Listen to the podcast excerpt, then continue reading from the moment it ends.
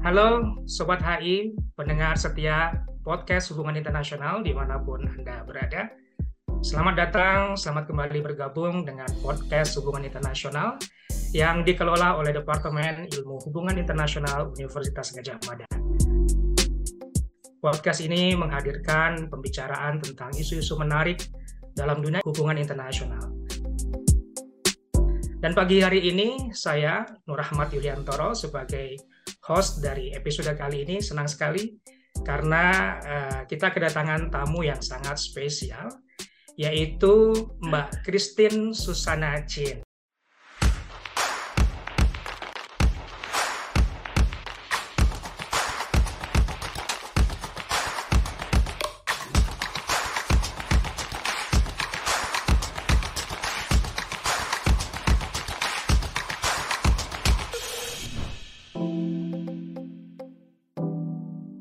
Selamat pagi Mbak Christine. Selamat pagi Mas Nur dan Sobat HI sekalian. Senang bisa bergabung. Semoga semuanya sehat. Alhamdulillah. Terima kasih Mbak Christine. Nah, mengapa ini tamu kita spesial? Karena ini episode yang nanti akan berbicara tentang uh, salah satu isu terbaru dari negara tetangga kita, negara besar yaitu Cina, kita tahu ada banyak protes terjadi di berbagai tempat di Cina belakangan ini, dan juga kemudian kita membaca dari media bahwa protes-protes itu berkenaan salah satunya dengan lockdown, berkenaan dengan kebijakan zero COVID yang diterapkan oleh pemerintah Cina. Uh, namun juga kita membaca bahwa kemudian kasus-kasus COVID ini melonjak dengan sangat tajam di Beijing, uh, Shanghai, dan kota-kota lain di Cina dalam beberapa hari belakangan ini. Nah, Mbak Christine ini seorang ahli ya, peneliti tentang Cina sejak tahun 1999, uh, pernah menjadi peneliti di Center for Strategic and International Studies di Jakarta, kemudian uh, sekarang sedang menjalani pendidikan ya di Peking University di Beijing. Kemudian fokus utama beliau, Mbak Kristen ini, politik dan diplomasi Cina di kawasan, dinamika, kemitraan strategis Indonesia dan Cina, dan masih banyak lagi. Dan sekarang Mbak Christine adalah uh, Direktur Kajian Strategis dari sebuah lembaga konsultan independen yang bernama Gentala Institute di Jakarta. Baik, Mbak Christine, sekali lagi terima kasih atas kedatangan Mbak Christine uh, pada episode kali ini. Tadi sudah saya katakan di awal ya, Mbak Christine, bahwa belakangan ini kita mendengar atau melihat, membaca gitu, banyak sekali terjadi protes ya. Mulai dari misalnya para pekerja pabrik Foxconn ya, mereka eksodus, kemudian ada kebakaran hotel di Xinjiang yang menimbulkan protes, lalu ada uh, orang yang dengan gagah berani membentangkan spanduk di uh, jembatan di sebuah jalan di kota Beijing sebelum Kongres Partai ya pertengahan November lalu. Dan kemudian di banyak tempat di Cina sekarang ini kita lihat ada berbagai protes yang ditujukan tidak saja kepada kebijakan COVID uh, zero COVID tapi juga kepada uh, pemerintah gitu. Nah, bagaimana Mbak Christine melihat ini? Ya, apakah ini sesuatu yang uh, wajar dalam politik Cina atau ini sesuatu yang harus kita perhatikan lagi dengan sungguh-sungguh? Ada apa sebenarnya di balik itu semua? Silakan Mbak Christine. Terima kasih Mas Nur untuk uh, kesempatan ngobrol dengan teman-teman. Uh, terkait dengan pertanyaannya Mas Nur tadi, fenomena yang sedang dihadapi di Cina itu sekarang ini bisa dibilang unik dalam konteks selama pemerintahan Presiden Xi Jinping ini bisa dibilang salah satu bentuk protes yang terbesar di era beliau menjabat. Tapi kalau dalam konteks sejarah Cina secara keseluruhan, ini bisa dibilang bukan yang terbesar. Gitu. Dalam arti hanya saja di periode Xi Jinping seperti yang kita ketahui kan yang uh, dikenal sebagai periode yang lebih dalam aspek ekonomi lebih makmur, segi politik lebih stabil tanda kutip gitu ya dan juga resistensi terhadap pemerintah itu lebih jarang terdengar. Terutama dalam arti protes terhadap legitimasi rejim sebagai rejim penguasa. Tapi bisa dibilang memang protes-protes ini menjadi unik karena suaranya selain suaranya terdengar keras, tapi juga bisa di saat yang bersamaan ada semacam kesamaan tema Hmm. besar, tema payungnya gitu. Jadi kalau kita lihat payung tema yang sedang disoroti oleh berbagai protes-protes tersebut itu terkait dengan kebijakan zero COVID-nya Cina ya yang terkenal terlalu ketat dan terlalu keras gitu. Jadi ya, payung utama dari tema protesnya tuh itu gitu. Tapi sebenarnya apakah seben hanya karena kebijakan zero covid itu sebenarnya masih ada faktor-faktor lain yang berkontribusi terhadap protes-protes yang bermunculan saat ini gitu. Hmm. Ada dampak implikasi dari krisis yang sebenarnya saya lebih merasa sebenarnya ini protes ini lebih didasari karena ada semacam keresahan sosial ekonomi Yeah.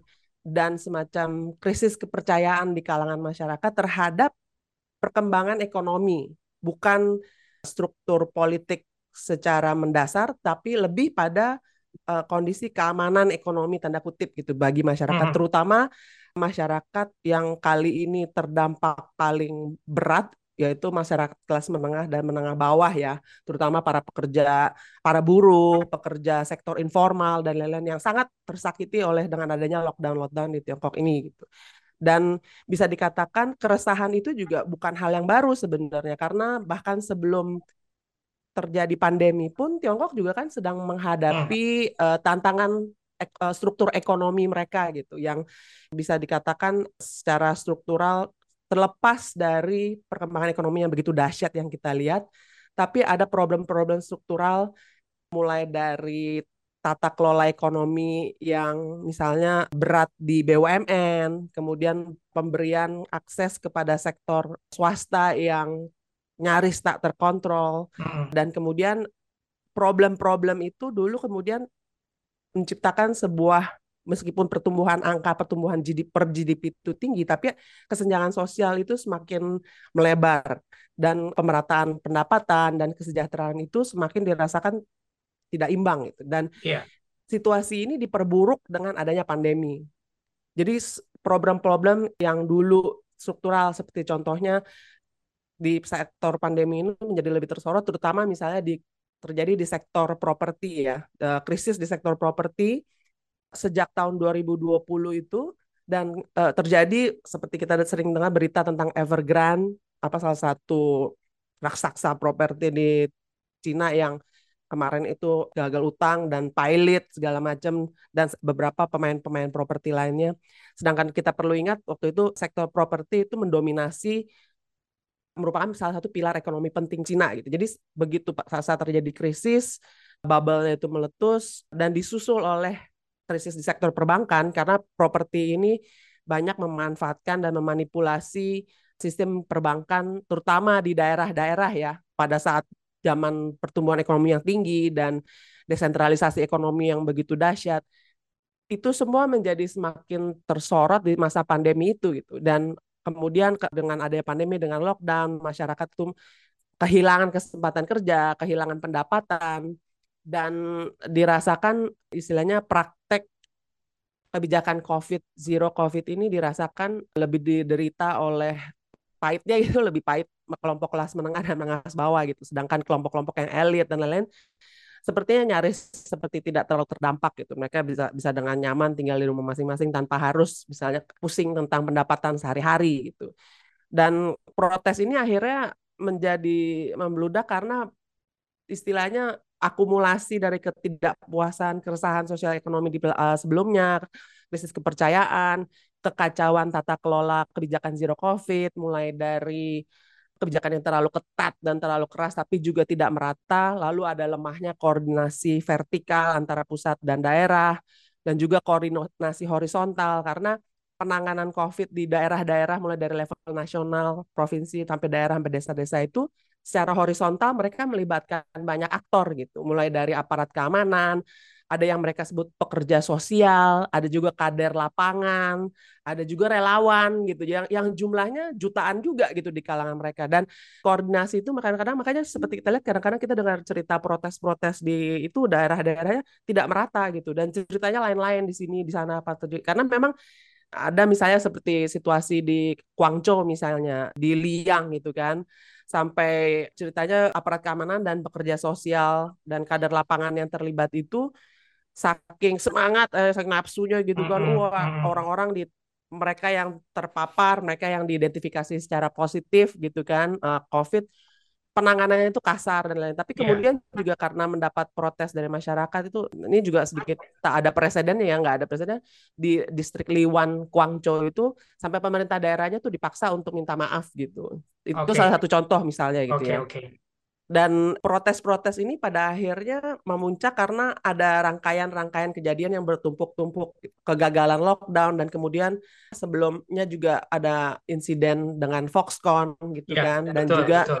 Foxconn di Henan gitu kan. Yang sebenarnya itu juga merupakan cerita tersendiri gitu. Itu problem tersendiri yang yang sebenarnya melibatkan banyak melibatkan pihak investor dan pemilik perusahaan juga gitu yang Hmm, sebenarnya Volkswagen itu kan juga istilahnya bisa dibilang itu dimiliki Taiwan gitu kan. Dan mereka sendiri juga ada aturan lockdownnya mereka sendiri itu yang awalnya justru aturan lockdown mereka yang dipermasalahkan oleh para buruh di sana gitu. Tapi kemudian merembet karena kan waktu awal Oktober itu kan Foxconn karena ada karyawannya terpapar, mereka langsung lockdown internal gitu kan, isolasi internal gitu. Tapi bisa dibilang jadi tidak sinkron dengan kebijakan lockdown di wilayah Chengzhou itu sendiri Iya, gitu kan. iya. Karena Chengzhou Industrial Park itu juga kan kemudian lockdown kan, tujuh hari. Mereka udah tujuh hari. Nah, tujuh hari itu selesai, tapi Foxconn punya nggak selesai-selesai Hmm, gitu. hmm. Jadi buruhnya pada resah, kabur lah gitu kan, kabur keluar dan masyarakat sekitar dan pejabat daerah sekitar itu juga kaget juga kan, uh kabur gitu kan, gimana nih misalnya. Jadi kacau, kacau, kacau, protes dan yang bersamaan waktu itu juga ini banyak disorot juga Foxconn juga ternyata waktu itu juga karena mau ngejar setoran nih kan mau Hmm, Natal. hmm. Jadi mereka kan mau pesanan kita kan pesanan iPhone banyak gitu kan di seluruh dunia gitu menjelang Natal. Jadi mereka mau kejar setoran, mereka ngerekrut karyawan baru dalam jumlah besar gitu loh. Jadi intinya mereka baru rekrut karyawan baru, tapi kemudian juga kemudian ada COVID. Jadi ini karyawan baru juga mendapatkan perlakuan lockdown yang agak sedikit tidak manusiawi gitu. Iya, Udahlah, jadi berantakan ke mana-mana. Nah ini kan beredar di sosial media kan, visualnya, lain-lain segala macam.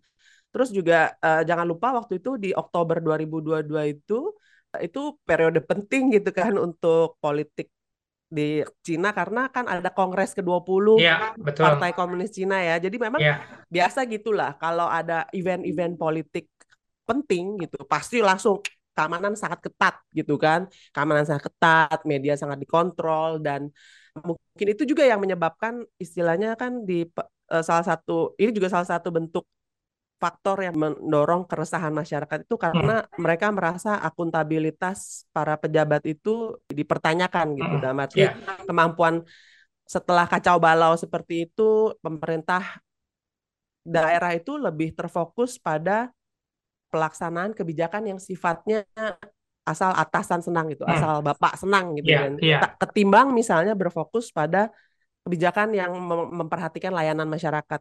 Karena mereka terlalu ini uh, mungkin juga dari pejabat-pejabat daerah mereka belajar dari pengalaman Wuhan waktu pertama kali masih COVID pertama kali masih iya, Delta varian itu muncul dan itu kan mengguncang dunia gitu kan. Dan ya kalau kabar-kabarnya sih pejabat-pejabat di Wuhan itu habis semua disikat semua pemerintah pusat gitu kan dijadikan pelajaran nih buat iya, nenek. Jadi iya, kayaknya pejabat-pejabat daerah yang lain juga langsung waduh ini kalau misalnya nggak bener nih nanti kejadiannya kayak Wuhan gitu kan. iya, Jadi mereka iya, secara ininya sendiri langsung mengambil inisiatif-inisiatif kadang-kadang jadi lebih lebay lah gitu iya, iya. istilahnya gitu.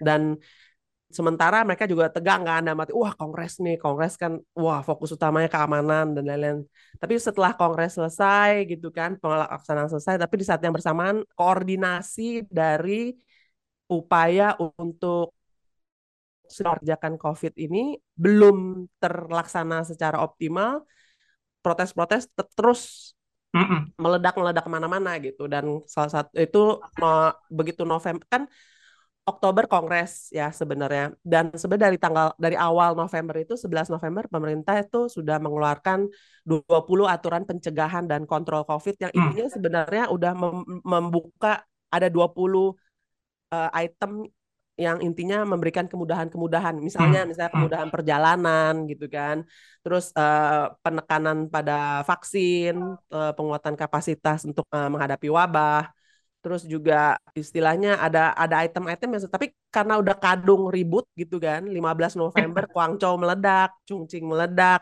terus ditambah dengan masyarakat nonton TV, eh Piala Dunia itu Ya, orang-orang nggak ada yang betul, pakai betul. masker gitu kan. Betul. Itu apa-apa itu terus sedikit kan juga kan ada tim tim tim Cina di sana kan. Terus supporter Cina juga lagi di sana kagak pakai masker, dempet-dempet Ya. gitu kan. Yang di, sementara yang dalam negeri ini apa-apaan nih gitu kan. Iya, Jadi makin iya. resah, terus tambah lagi diperburuk lagi tanggal akhir November itu 24 ya kalau nggak salah kebakaran eh, apartemen yang tadi Mas bilang itu di Iya, betul. itu gitu kan yang kemudian berseliweran berita-berita di Hmm, sosmed hmm. soal kenapa kejadian itu terjadi gitu. Yang memang sebenarnya sedikit banyak kebakaran itu tidak bisa ditangani dengan baik dan akhirnya Hmm. memakan korban jiwa 10 orang meninggal gitu kan karena memang waktu itu pemadam kebakarannya tuh dipersulit dengan gini. Jadi saya nggak tahu ya karena beritanya simpang siur ada mungkin Mas juga pernah dan sobat HI juga pernah lihat dengar atau lihat video-videonya yang wah itu pintu-pintu digembokin, Iya, dirantai, iya. di zip tie gitu kan. Betul. Terus ada ada ibu-ibu yang eh mau keluar badannya setengah tapi pintunya dirantai kayak gitu-gitu. Itu di mana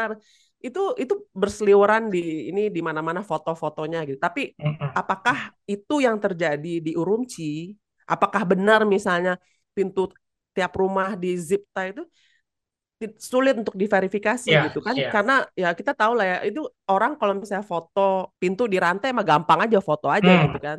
Kita kan juga nggak akan bisa susah gitu untuk nentuin itu Hmm, di mana sih hmm, sebenarnya hmm, gitu. hmm. Eh, Dan kita tahu sendiri kan di media sosial itu misinformasi, disinformasi, fake news itu kan banyak ya nggak cuma di Indonesia di sana juga banyak gitu kan. Apalagi dan lagi apalagi kalau bisa dibilang masyarakat internasional itu mencerna berita-berita tentang Cina itu kebanyakan dari media-media eh, arus utama barat Hmm. yang intinya mereka punya bias mereka sendirilah secara normal gitu kan.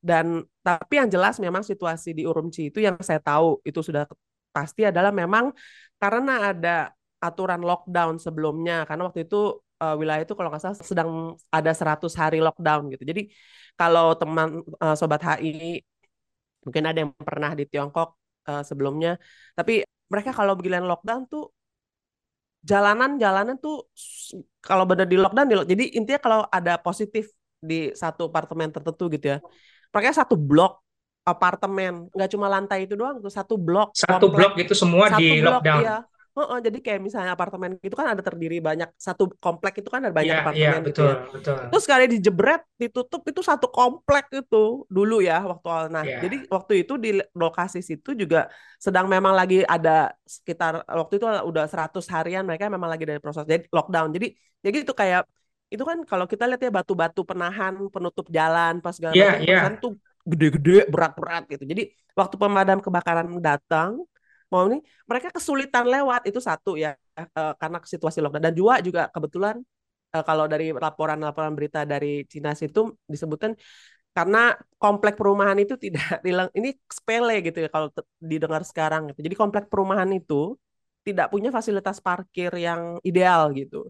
Jadi itu mobil-mobil pemilik apartemen tuh di pinggir jalan semua gitu. Kebayang dong jalanan misalnya kanan kiri ada mobil parkir gitu kan. Itu mobil pemadam kebakaran mau lewat juga setengah mati, susah. Terus Betul. juga itu ada cerita juga itu banyak mobil-mobil yang istilahnya saya nggak tahu di ini tapi ada yang cerita ya itu mobil-mobil listrik yang udah lama karena lockdown nggak dipakai nggak udah lama nggak di charge jadi nggak di-charge, ya. segampang itu gitu Iya, dipindahin iya. kayak gitu gitulah jadi nah Baik. tapi memang permasalahannya jadi yang di Urumqi itu meledak karena orang-orang langsung wah ini parah nih karena memang dampaknya langsung gitu Hmm, hmm. Betul dengan universitas mahasiswa-mahasiswa di universitas juga mulai protes protes termasuk misalnya salah satu di alma mater saya di Peking University gitu tapi ya memang mereka target utama dari protes itu adalah kebijakan zero covid gitu. Iya, iya. Tapi apakah yang lain faktor-faktor lainnya itu ada tambahannya juga? Itu memang iya gitu ada konteks di belakangnya yang melatar belakang itu.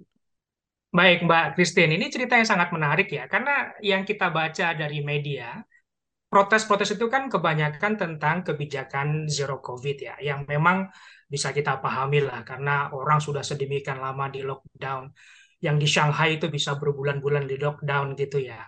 Tapi ternyata tadi Mbak Mbak Christine cerita bahwa ini sebetulnya multidimensional ini ya, ada keresahan sosial, ada kesulitan ekonomi yang dialami oleh banyak masyarakat gitu. Ada juga uh, kegagalan lockdown dan macam-macam. Jadi ini sebetulnya suatu hal yang sudah berjalan demikian lama lalu mendapatkan momentum ya hmm. dengan dengan adanya kebijakan zero covid ini. Nah, Mbak Christine, saya mau tanya lebih lanjut dilanjut. Saya kira Sobat HI juga ingin tahu lebih banyak. Saya datang terakhir kali ke Beijing itu bulan Oktober 2019. Jadi okay. tiga tahun yang lalu dan persis beberapa saat sebelum uh, apa Wuhan ya. COVID, iya. Ya, nah itu uh, Beijing ya kita tahu lah ini kota yang sangat hidup bahkan malam hari sekalipun masih sangat hidup gitu. Tapi kita baca sekarang dengan adanya lonjakan kasus yang begitu hebat di Beijing ini saya lihat di Twitter dan lain-lain sebagainya itu ada foto-foto yang menunjukkan Beijing yang lengang, Beijing yang kosong, Beijing yang sepi dari aktivitas publik gitu. Nah, mungkin Mbak Christine bisa cerita juga di sini atau mendapat info dari rekan di Cina gitu. Apa betul seperti itu sekarang di Beijing atau di kota-kota besar lainnya di Cina? Kehidupan yang tadinya vivid gitu ya, yang tadinya sangat meriah, lalu lalu tiba-tiba menjadi sepi semacam itu. Nah, gimana nih, Mbak Christine? Kalau berdasarkan laporan pandangan mata teman-teman yang di Beijing, eh, karena ada eh, kolega saya dari Gentala, sekarang ini masih di Beijing gitu. Rekan saya ini dia juga di Beijing itu sudah sejak hampir setahun gitu kan. Jadi beliau merasakan betul. Jadi saya bisa dibilang ini dapat laporan pandangan mata dari beliau gitu intinya yeah, untuk yeah. konfirmasi ini, konfirmasi itu. Tapi memang iya gitu dalam arti kalau uh, waktu itu beliau mengirimkan video gitu, Wang Fucing. Wang Fucing itu kan bisa dibilang kayak CBD-nya Sudirmannya Jakarta lah ya, yeah. rame gitu hmm, intinya. Hmm. Biasa itu nggak pernah kosong. Tapi itu kosong melompong siang bolong gitu. Hmm. Terus udah gitu selain itu di berbagai tempat gitu ya itu posko-posko pengiriman kurir gitu kan apa kalau kayak kita gitu gojek gojek gitu kan yeah. posko-posko kurir gojek segala macam itu bertumpuk-tumpuk barang yang nggak bisa dikirim itu tumpukannya tuh sampai bisa setinggi pohon gitu dan bisa memenuhi satu wilayah yang cukup hmm. besar karena memang jadi gini terlepas dari kan kalau kita lihat di media itu kan seakan-akan uh, rame gitu kan. Protes tuh rame di mana-mana gitu. Tapi kita tuh sebaiknya dalam melihat Cina situasi sekarang ini gitu kita harus berhati-hati untuk tidak terlalu terseret hmm. dalam pemberitaan atau narasi yang membesar-besarkan mem, apa membesar-besarkan situasi dalam arti karena gini paling tidak ada tiga problem di sini gitu. Jadi pertama di satu sisi sumber-sumber info yang kita dapat dari masyarakat kebanyakan dari media sosial gitu kan. Sosmed sendiri kan kita tahu medsos kan tahu sendiri ya.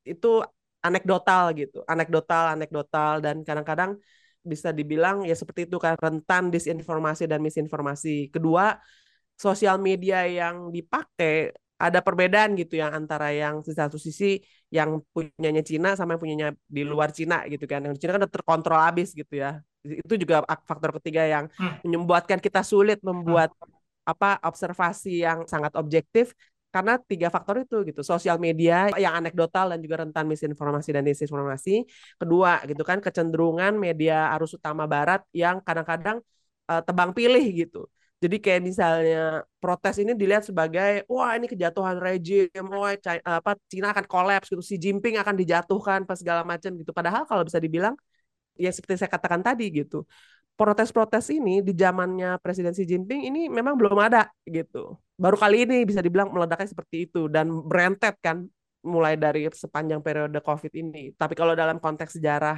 Cina yang lebih panjang, ini nggak ada apa-apanya gitu dibanding yeah, dengan yeah. yang lain-lain gitu. Apalagi seperti kita tahu, itu kalau hitungan protes sosial di Cina itu kan istilahnya Chinese Academy of Social Science uh, eh, CASS atau bisa dibilang itu LIPI-nya Cina gitu ya.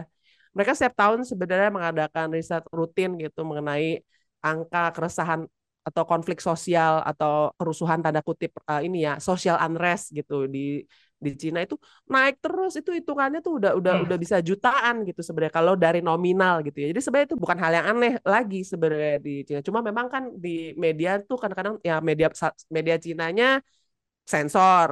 Terus udah gitu media baratnya tebang pilih gitu kan. Intinya yang yang mau gua tunjukin aja human rights melulu gitu kan. Ini melulu gitu. Jadi kita dalam mengobservasi Cina itu harus hati-hati untuk melihat proporsinya gitu untuk bisa paham soal itu gitu. Karena kalau enggak kita akan bisa lengah dalam menganalisa problem-problem Ya. real yang sedang dihadapi di sana.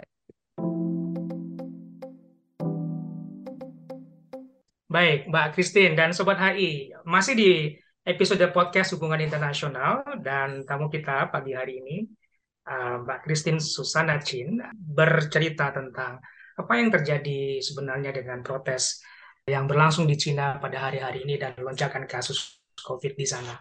Mbak Christine, ini kan seolah-olah kita membaca ya eh, dari yang tadi Mbak Christine bilang, kita harus sebetulnya lihat media itu dengan jernih gitu ya tidak memilih-milih mana yang sesuai dengan kepentingan kita gitu. Tapi dari uh, berbagai media itu kita mungkin bisa mendapat kesan ini sekarang lonjakan kasus terjadi karena uh, kebijakan zero covid itu diperlonggar ya. Dari yang tadinya sangat draconian, sangat ketat gitu sekarang seolah-olah dibuka gitu. Tapi kemudian kita lihat kasus melonjak, kota-kota yang sepi, antrian di klinik, di rumah sakit, apotek yang tutup gara-gara pekerjanya itu terinfeksi dan lain sebagainya. Nah, dalam pandangan Mbak Christine, apakah ini merupakan dampak dari dibukanya atau sedikit dilonggarkannya kebijakan zero COVID dan apakah itu memang sesuatu yang harus diambil oleh pemerintah Cina? Bagaimana tuh Mbak? Sebenarnya kalau bisa dibilang ya ini juga mungkin kebanyakan juga karena pemberitaan media arus utama internasional gitu ya, Ya. yang kecenderungannya seperti yang saya bilang punya bias Mm-mm. untuk menggambarkan Cina itu secara negatif yang berlebihan Ya. gitu. Tapi bisa dibilang sebenarnya zero COVID di Cina itu sebenarnya ada pergeseran tuh udah bukan cuma sekedar baru kali ini aja gitu. Oke, Em, oke. Dari awal waktu Wuhan kejadian bisa dibilang secara tidak ofisial gitu, secara tidak tidak informal gitu, lockdown zero covid mulai dari sana gitu kan. Begitu Wuhan dijebret, ditutup semua dan di- secara ketat gitu. Yang bisa dibilang waktu pertama kali dilaporkan ada kasus covid di Cina Desember 2019, Wuhan tuh langsung di lockdown Januari 2020 dan itu lockdown panjang sampai April. Tapi begitu April dengan tanda kutip keberhasilan dari lockdown uh, zero covid ini uh, otomatis jumlahnya tuh flat flat banget gitu. Angka angka terinfeksi angka kematian dan lain-lain bisa kita bilang tertangani dan sebaran-sebarannya bisa terkontrol. Dan juga saat itu kita kan juga banyak dengar berita gitu ya uh, wah pembangunan rumah sakit tiba-tiba buset 16 hari jadi rumah sakit satu gitu kan segala macam kayak gitu-gitu Rumah Tapi itu memang kilat ya. yoi gitu kan rumah sakit kilat instan gitu kan rumah sakit Instan, instan ya. yang kemudian akhirnya memberikan apalagi kita melihat kontrasnya di negara-negara lain Hmm. utamanya di Amerika di zaman Trump ya di zaman Presiden Trump. Yang kacau balau kan wah hancur belebekan gitu nggak cuma di nggak cuma di Amerika tapi di tempat lain juga. Tapi tanda kutip keberhasilan lockdown di Wuhan saya itu membuat zero covid jadi semacam mendapat legitimasi gitu. Hmm. berjalan terus diterapkan di tempat-tempat lain. Dan memang em, bisa dibilang sepanjang 2001 itu tidak ada ledakan wabah yang cukup berarti gitu di Cina. Dengan pengecualian mungkin eh, sekitar pertengahan 2021 di Nanjing tiba-tiba ada di beberapa kota di Nanjing tiba-tiba ada outbreak yang kebanyakan datang dari eh, imported cases katanya gitu kan kasus-kasus impor. Tapi bisa dibilang paling tidak semasa varian Delta keberhasilan pemerintah Cina itu harus diakui gitu dengan jumlah intervensi yang sedikit dan jumlah kematian yang lebih sedikit lagi dan juga di saat yang bersamaan bisa dibilang pertumbuhan ekonomi walaupun tahun 2020 itu terpuruk itu 2001 2020 angka pertumbuhan per GDP 6 sekitar 6 persen 2021 naik Hmm.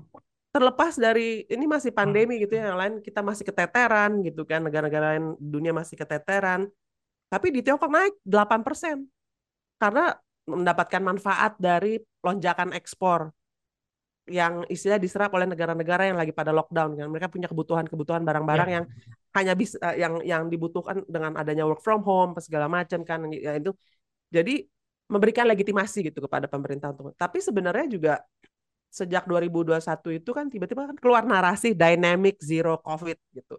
Itu kan sebenarnya bentuk pergeseran juga. Hmm. Itu pergeseran walaupun misalnya kita sangat sulit ya mengidentifikasi perubahan signifikan karena memang ada pelonggaran dan bisa dikatakan per daerah tuh beda gitu. Seperti yang tadi kita pakai contoh Beijing, bahkan sampai sekarang pun gitu. Bisa dibilang kelonggaran-kelonggaran bisa lebih banyak ditemukan di wilayah selatan hmm. dibanding misalnya wilayah utara seperti Beijing dibanding misalnya wilayah-wilayah seperti di selatan seperti uh, Guangzhou dan Shanghai dan lain-lain gitu.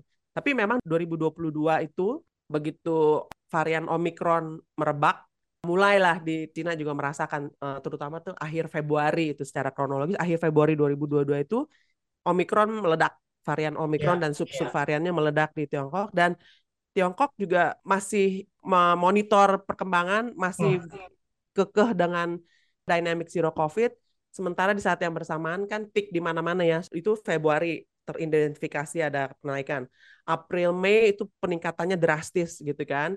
Terus udah gitu lihat variasi di Shanghai seperti ini, di Guangzhou seperti ini, di Nanjing lain lagi gitu kan dan sampai ke Juli dan lain-lain segala macam ya seperti yang saya bilang tadi gitu kan tiba-tiba di Guangzhou juga pemerintahnya pemerintah daerah di Liwan itu minta maaf lah pasti karena iya, kasar yeah, pasti yeah. itu kan lihat sebagai bentuk dari respon pemerintah saat itu gitu pressure dari pusat untuk ya lu istilahnya atur masyarakat supaya permintaan maaf ini gitu dan hmm, perbaiki yeah. gitu kan jangan terlalu ketat jangan terlalu parah lagi gitu terus tambah lagi tambah lagi dan juga kan seperti saya bilang tadi itu kan Oktober karena fokusnya di Kongres, maunya samaan, stabil, dan lain Kongres, jadi prioritas pelonggaran COVID itu belum sempat dijalankan gitu. Hmm. Tapi udah ada ledakan, ledakan, ledakan, ledakan, um, dan bisa dibilang kejadian-kejadian ini akhirnya membuat angka-angka sekarang ini masif naik ke atas, uh, angka-angka kasus-kasus ini semakin naik ke atas. Pelonggaran itu pastinya menyebabkan kenaikan kasus-kasus positif, tapi di saat yeah. yang bersamaan karena kan bisa dibilang uh, Tiongkok itu mereka lebih bagus dalam hal jumlah populasi yang tervaksinasi ya. Jadi intinya sebenarnya di Indonesia kita yang fully tervaksinasi full itu baru 62 persen ya 60 60 di bawah 60 sedikit hampir 63 persen.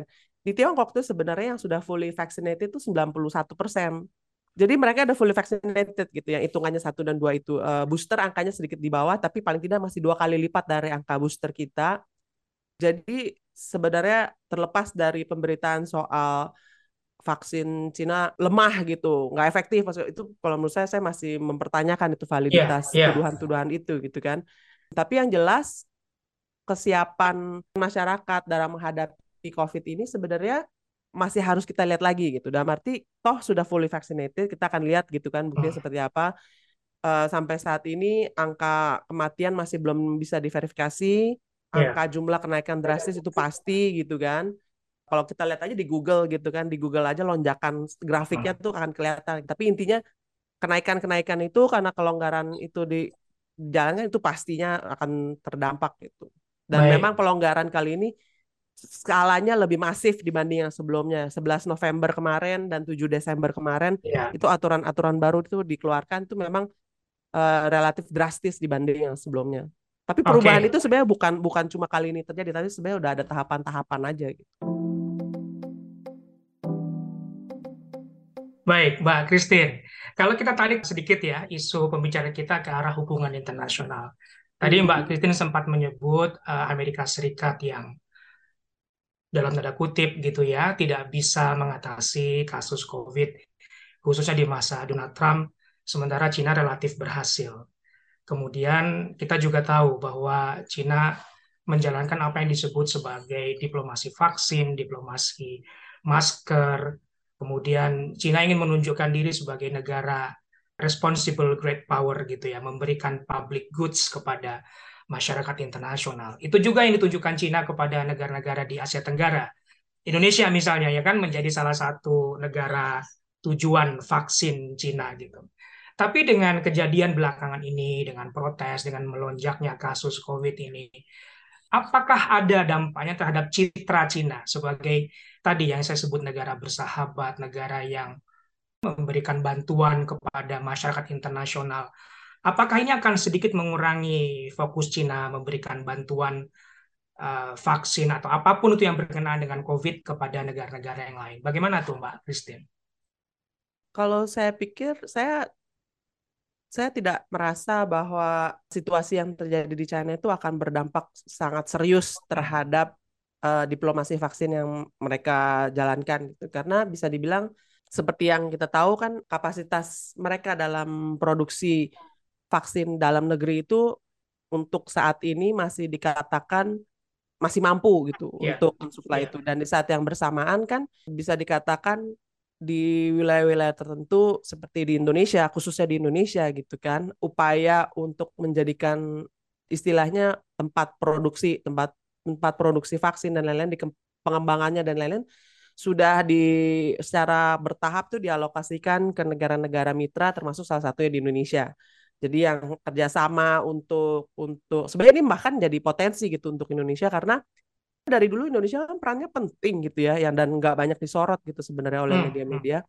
Karena Indonesia populasinya besar, eh, riset-riset vaksin yang dilakukan oleh Cina itu mendapatkan banyak manfaat dari riset yang mereka lakukan di sini, di Brazil, di negara-negara yang populasinya besar dan yang memang tidak uh, memiliki kapasitas uh, atau memilih untuk tidak mengambil kebijakan seperti zero covid di Cina gitu kan.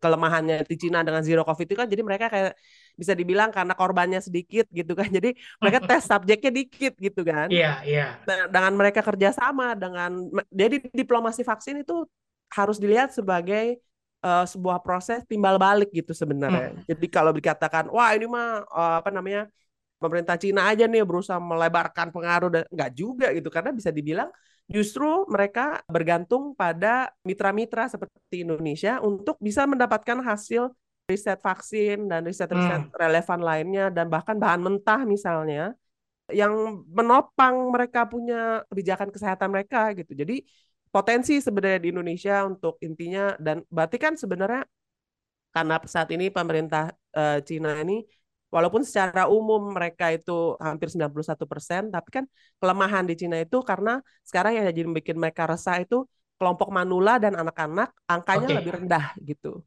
Jadi mereka ada kebutuhan genjot. Sekarang lagi habis-habisan digenjot nih. Oh, cepetan vaksin vaksin yang belum vaksinasi ya vaksin, gitu. untuk kelompok ya. manula dan anak-anak. Uh -uh.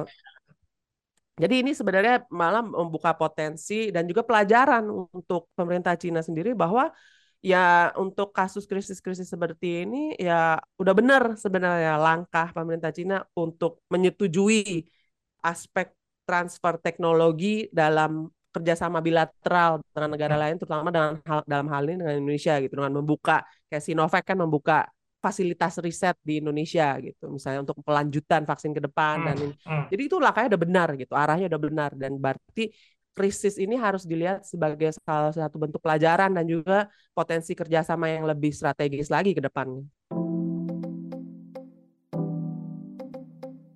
Baik, Mbak Christine, ini pembicaraan yang sangat menarik ya, tetapi memang waktunya yang tersedia tidak banyak.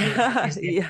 Nah, uh, jadi dari berbagai hal yang tadi sudah Mbak Christine sampaikan dari awal tadi ya, soal ini sebenarnya krisis multidimensional, kemudian uh, pemerintah Cina sudah menjalankan kebijakan yang dianggap tepat dalam konteks pengendalian COVID, relasi Cina dengan negara-negara lain di kawasan Asia Tenggara atau di kawasan lain ini saya kira menjadi uh, sesuatu yang menarik untuk kita diskusikan nanti lebih lanjut di lain kesempatan.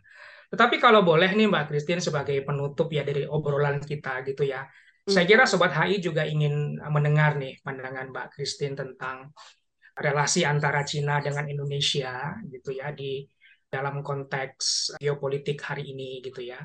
Dan apakah hal-hal yang tadi kita bicarakan soal protes, krisis ekonomi dan lain sebagainya itu dari situ itu semua kira-kira pelajaran apa nih yang bisa kita ambil ya supaya uh, dalam menjalankan relasi dengan Cina itu relasinya bisa sama-sama menguntungkan. Bagaimana nih Mbak Christine? Saya kira Sobat HI ingin mengetahui nih pandangan Mbak Christine soal ini. Sebab ada dua aspek besar yang saya lihat itu uh, pelajaran yang perlu kita tarik. Itu pertama tadi sudah kita bahas yang terkait dengan kerjasama strategis dan pentingnya transfer teknologi ya. dalam ilmu kesehatan dan pengembangan vaksin itu ya. Dan itu pelajaran yang kalau menurut saya perlu dieksplor lebih jauh dan perlu dikembangkan lebih jauh. Informasi ini perlu didiseminasi akan lebih jauh gitu supaya jangan sampai uh, misinformasi dan disinformasi terkait situasi yang terjadi di Cina itu malah membuat kita semakin negatif thinking gitu yeah, terhadap Cina. Yeah. Padahal sebenarnya kan kita ada kerjasama strategis yang belum banyak disorot gitu. Nah kedua ini pelajaran penting buat buat kita ini terkait dengan penggunaan teknologi dalam hmm. menjamin kesehatan publik gitu ya. Jadi ini harus kita ini banget gitu. Peduli lindungi saya pikir udah cukup baik gitu ya, tapi bisa dibilang nggak ada apa-apanya dibanding dengan aplikasi yang mereka punya di sana gitu. Tapi di Jadi, sisi gimana tuh Mbak Mbak Christine? Kalau boleh kita sedikit aplikasi semacam peduli lindungi di Cina itu sangat ini ya, sangat apa? Tadi itu ya, mereka ada alert alert gitu ya kalau itu real time real, oh, real time, okay, real time yeah. gitu jadi kayak bisa dibilang karena mereka mengandalkan big datanya tuh kenceng banget gitu dan mereka oh, okay, aturan ada aturan-aturan seperti kayak misalnya ya kita nih kita baru terakhir-terakhir ini aja kan baru istilahnya kita kalau bikin SIM card harus pakai KTP apa segala macam yeah, gitu. yeah. Tapi kita punya baru daftar KTP-nya doang gitu. Kita belum real time-nya. Kalau di di Cina itu tuh udah real time dan arti begini gitu. Jadi daftar nih ya, bikin SIM card semua harus pakai KTP orang asli juga ini gitu itu langsung udah terkonek ke big datanya entah itu China Mobile atau China Telkom atau whatsoever. Jadi real time. Saya waktu itu ke Guizhou dengan beberapa teman uh, sebelum COVID ini ke Guizhou itu salah satu daerah termiskin di Cina, tapi yang pertumbuhan tinggi ekonomi paling tinggi karena dijadikan sentra big datanya Cina secara mm -hmm. nasional. Mm -hmm. Tapi intinya gini, jadi kita lihat, waduh itu real time itu di petanya kita bisa lihat itu jebret peta jadi itu kalau SIM cardnya melewati perbatasan masuk ke Kuico langsung nongol itu. Kedip-kedip hmm, oh yeah, ini nomor yeah. ini gitu. Jadi kalau dari segi keamanan kalau orang ini punya criminal record udah tertanda nih, oh ini ada criminal record. Bahkan di sektor kesehatan ya gitu ya dibuka sama dia dijebret-jebret gitu waktu itu. Nih data-data kesehatannya. Jadi kayak misalnya ah. mulai dari misalnya uh, ada jantung, ada apa gitu kan. Terus nanti uh, sejarah beli obatnya nih. Karena kalau ah, beli handphone ah. kan beli obat kan online. Sekarang kan di di di Cina kan segala macam online. Itu catatan selama ini beli obat apa aja, apa segala macam tuh ada gitu. Ah. Ini juga yang waktu itu membuat mereka tuh salah satu yang kita lihatnya yang rumah sakit instan ya 16 hari selesai gitu. Tapi intinya dengan adanya aplikasi real time yang online seperti itu, pada saat teridentifikasi ada sakit segala macam, langsung bisa dengan lebih cepat untuk lihat oh ini mereka uh, komorbidnya apa gitu kan pas segala macam. Hmm, jadi hmm. penanganannya tuh bisa lebih cepat gitu. Dan istilahnya jadi kalau kita kan peduli lindungi sini kita ke mall gitu kan scan hijau gitu. Tapi itu kan dari dulu udah hijau mah hijau aja terus gitu kan nggak ada berubah gitu betul, kan. Betul iya iya. Itu kalau di sana enggak gitu. Jadi kayak misalnya waktu itu ada kejadian eh, lagi lockdown sadis-sadisnya ada teman saya lagi keluar aja gitu beli pizza di tempat komplek lain gitu. Eh tapi nggak lama kemudian bip bip bip gitu. Jadi di dekat-dekat kompleks itu ada yang positif. Nggak bisa pulang dia. Nggak bisa pulang itu langsung itu berapa hari mereka dia harus tujuh hari di situ. Dua waktu itu masih yang dua minggu gitu. Itu yang harus di situ gitu nongkrong bangong nggak bisa pulang nggak bisa apa. Itu makanya jadi satu sisi positifnya adalah kita untuk contact tracing itu dahsyat ya. Di Indonesia saya pikir nggak ada tuh yang namanya contact tracing. Terus terang kalau mau ngomong jujur ya contact tracing kan susah. Kalau di sana tuh disiplin banget gitu. Tapi di saat yang bersamaan, di satu sisi kita melihat kecanggihan itu dan kecepatan mereka merespon yang sangat membantu pada saat nah, mau diobati. Tapi di sisi lain gitu yang yang kemudian berdampak ke privacy, uh, human rights itu memang relevan betul, juga betul. gitu. Karena kemudian betul.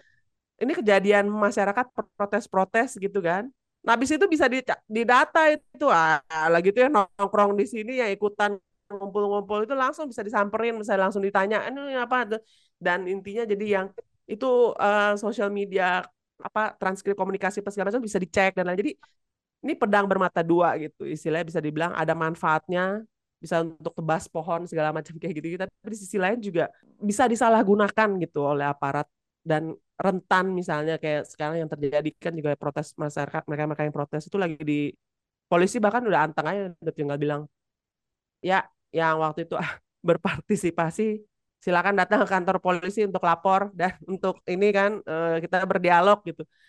Satu sisi kayak digambarin nggak cuma diciduk tinggal dikasih tahu aja siap-siap gitu. Wah masyarakatnya pada resah gitu hapus hapus itu sosmed itu dulu tweetnya apa mas iya, iya, iya, itu gitu. Jadi Nah, di Indonesia kita juga kan ke depannya berharap kita punya apalagi kita juga ke depan kita berharap infrastruktur digital kita dan segala macam masa apa uh, ekonomi dan lain-lain segala macam kita kan digital itu kan semakin penting gitu ya. Ini pelajaran yang harus kita lihat gitu dalam arti terlepas dari pentingnya teknologi tinggi, tapi kalau tidak hardware-nya tidak diikuti dengan software yang baik dan yang bisa dibilang lebih manusiawi dan juga lebih punya akuntabilitas, transparansi dan dan lebih uh, peka gitu ya terhadap terhadap situasi masyarakat secara meluas gitu bukan cuma kepentingan elit ini ini menjadi satu pelajaran gitu buat kita gitu. Jangan sampai kita ke depannya pada saat kita mendorong perkembangan pengelolaan digital di Indonesia kita keteteran karena 5G-nya udah disediain tuh. Wah Huawei lagi bangun 5G nih di mana-mana gitu kan. Tapi kita sendiri lengah gitu dalam memastikan supaya ada kerangka-kerangka ada batasan-batas pagar-pagar yang memastikan supaya jangan sampai malah jadi berimbas buruk buat kita secara umum. Baik Mbak Christine dan Sobat HI di mana pun Anda berada, demikian tadi obrolan saya Nur Ahmad Yuliantoro dengan tamu podcast hubungan internasional kita pada episode kali ini, Mbak Christine Susana Chin. Terima kasih banyak Mbak Christine, semoga sehat selalu dan mudah-mudahan nanti kita bisa bertemu kembali di lain kesempatan. Terima kasih juga Mas Nur dan juga Sobat HI. Semoga kita pasti ada lain kesempatan lain untuk diskusi lebih jauh lagi ya tentang Cina. Terima kasih juga untuk teman-teman yang sudah memfasilitasi uh, podcast ini. Semoga sukses Mas Nur dan teman-teman Sobat-Sobat HI dan ya, sehat baik. selalu. Ya, terima kasih Mbak Christine. Terima kasih. Ya, terima kasih uh, Sobat HI sekalian. Demikian tadi perbincangan kita tentang kejadian baru-baru ini di uh, Cina bersama dengan tamu kita, Mbak Christine, uh, mulai dari krisis multidimensional, proses protes yang terjadi, kebijakan pemerintah menyangkut COVID, sampai dengan relasi antara uh, Cina dengan negara-negara di Asia Tenggara, khususnya Indonesia, dan juga perlunya kita untuk semakin meningkatkan kewaspadaan dan juga kemampuan digital teknologi kita untuk mengatasi krisis kesehatan. Uh, demikian, sampai berjumpa kembali di episode lain dari uh, podcast Hubungan Internasional yang dikelola oleh Departemen Ilmu Hubungan Internasional Universitas Gajah Mada. Terima kasih dan sampai berjumpa kembali.